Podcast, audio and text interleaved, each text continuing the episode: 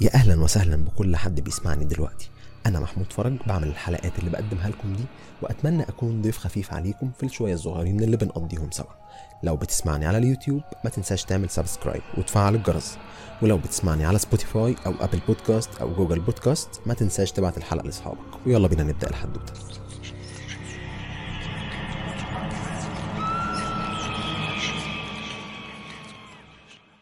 بطلة حكايتنا المرة دي هي بنت. اتولدت وعاشت فترة في بلد صغيرة في دولة أجنبية. بتقولي إن في قاعدة في بلدهم معناها إنك ما تحاولش تعترض إن في شخص غير مرغوب فيه راكب معاك عربيتك. البنت بتحكي وتقول لنا كان مسقط رأسي بلد صغيرة جذابة يعتبرها معظم السياح أجمل البلاد وكان بيجي لنا دخل كبير من وجودهم على مدار السنة لأن هم بيحبوا التجول في أماكنها المشهورة من بره مدينتنا مثالية بمزاراتها ومناظرها الخلابة الجميلة. لكن من جوه إحنا بنخفي سر. محدش يعرفه غير أهل البلد. وعرفت السر ده في أول يوم كنت بتعلم فيه السواقة واللي كانت بتعلمني هي والدتي. كنت متوترة لأن والدتي كان هدفها إني أعمل كل حاجة صح من أول يوم.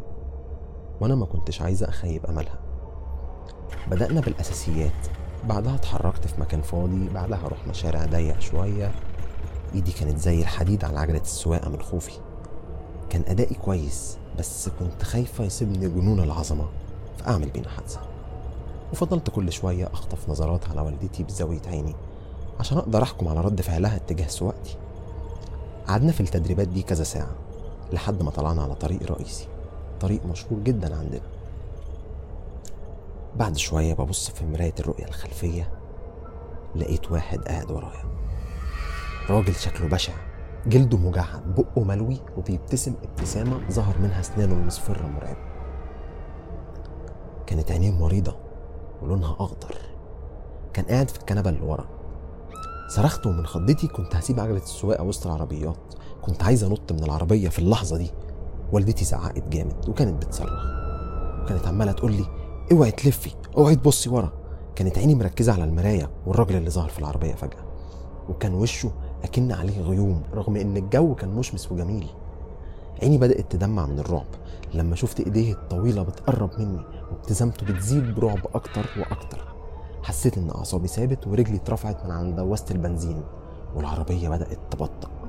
وفي لحظتها لقيت والدتي ضربتني على وشي وبتصرخ فيا إني أكمل سواقة أسرع وأسرع وما بصش ورايا. سرعت وبدأت أهدى لما لقيت دراعاته بتتسحب ببطء بعيد عني. بعدين بدأ يقرب ببطء بوشه وفتح بقه.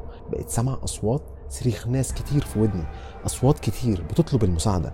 صرخت وسبت عجلة السواقة غطيت وداني بشكل لا إرادي. راحت والدتي ماسكة مكاني وكنت حاسة إن روحي هتتسحب مني. لما الأصوات وصلت لمرحلة صم الأذان في لحظة اختفى الصوت واختفى الراجل. وقفنا العربية على جنب. ونزلت منها قعدت أرجع وأعيط. عدى ظابط شرطة بعربيته في الوقت ده ولما شافنا وقف عشان يشوف فيه إيه بصلي وقرب فوالدتي قربت عليه وقالت له بالنص كده إحنا كان عندنا ضيف في الكنبة اللي ورا وهي أول مرة تشوفه. ما تقلقش الوضع كله تحت السيطرة. ركبت العربية ووالدتي هي اللي كانت سايقة في رحلة الرجوع للبيت. حاولت أتكلم معاها في الموضوع وإحنا في طريقنا لكن رفضت تماما ترد عليا. وأكني ما كنتش بتكلم. بعد مدة كتبت سؤال على النت على group خاص بالمدينة من account fake وعرفت منهم إن الضيف بيظهر في العربيات اللي ماشية على الطريق ده من أكتر من سبعين سنة. محدش يعرف عنه حاجة أكتر من إن ظهوره كان بعد حادثة مروعة حصلت على الطريق ده أدت لانفجار عظيم سمعه أهل المدينة كلهم. وما تبقاش أي أثر غير رماد للعربية ولركابها محدش كان يعرف لحد دلوقتي مين اللي كان في العربية. الحاجة الوحيدة اللي كله أجمع عليها هي إني ملفش أبص له مهما حصل منه. بعد كام شهر كنت خلاص في آخر سنة دراسية في الجامعة كنت نسيت موضوع الراجل اللي في الكرسي الخلفي لأني كنت اتشغلت بزميل معجب بيا وأنا الصراحة كنت معجبة بيه. فرانك كان معايا في الجامعة من الصف الأول وكانت العلاقة بينا زمالة فقط مش أكتر. لحد ما في يوم عزمني في مطعم وفاجئني بإعجابه بيا.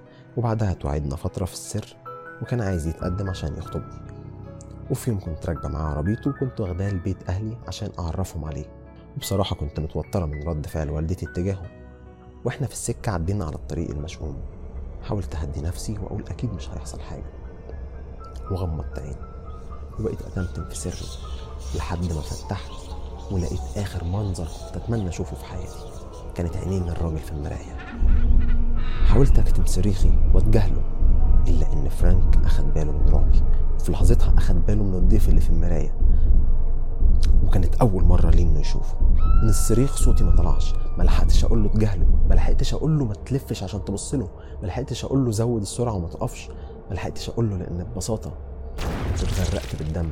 وكان فرانك اتفجر اتفتت لقطع أكبرها كان في حجم حبة الفول. خرجت من العربية وأنا على الطريق. كنت بعيط ومنهارة. فضلت أمشي وأبعد. أبعد على قد ما أقدر. دخلت بعدها في صدمة نفسية. قعدت أكتر من أسبوعين بلاقي فتافيت تخص جسم فرانك في شعري. ورجعت الكلية بعد ثلاث شهور. ولقيت قلبي بيتكسر لما رحت ولقيتهم معلقين poster فيه صورة فرانك. فضلت بصة ليهم تنحة فضلت واقفة كتير مش بتحرك.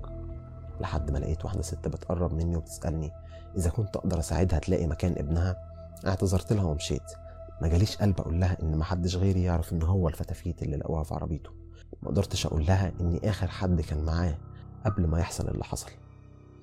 عدت سنين على الحادثة دي وسافرت بلد تانية واتجوزت زوج بكرهه يضربني كل يوم. ما بقتش قادر أعيش معاه. قدرت أقنعه الأسبوع ده إننا نسافر لبيت أهلي من أجمل طرق بلدتنا.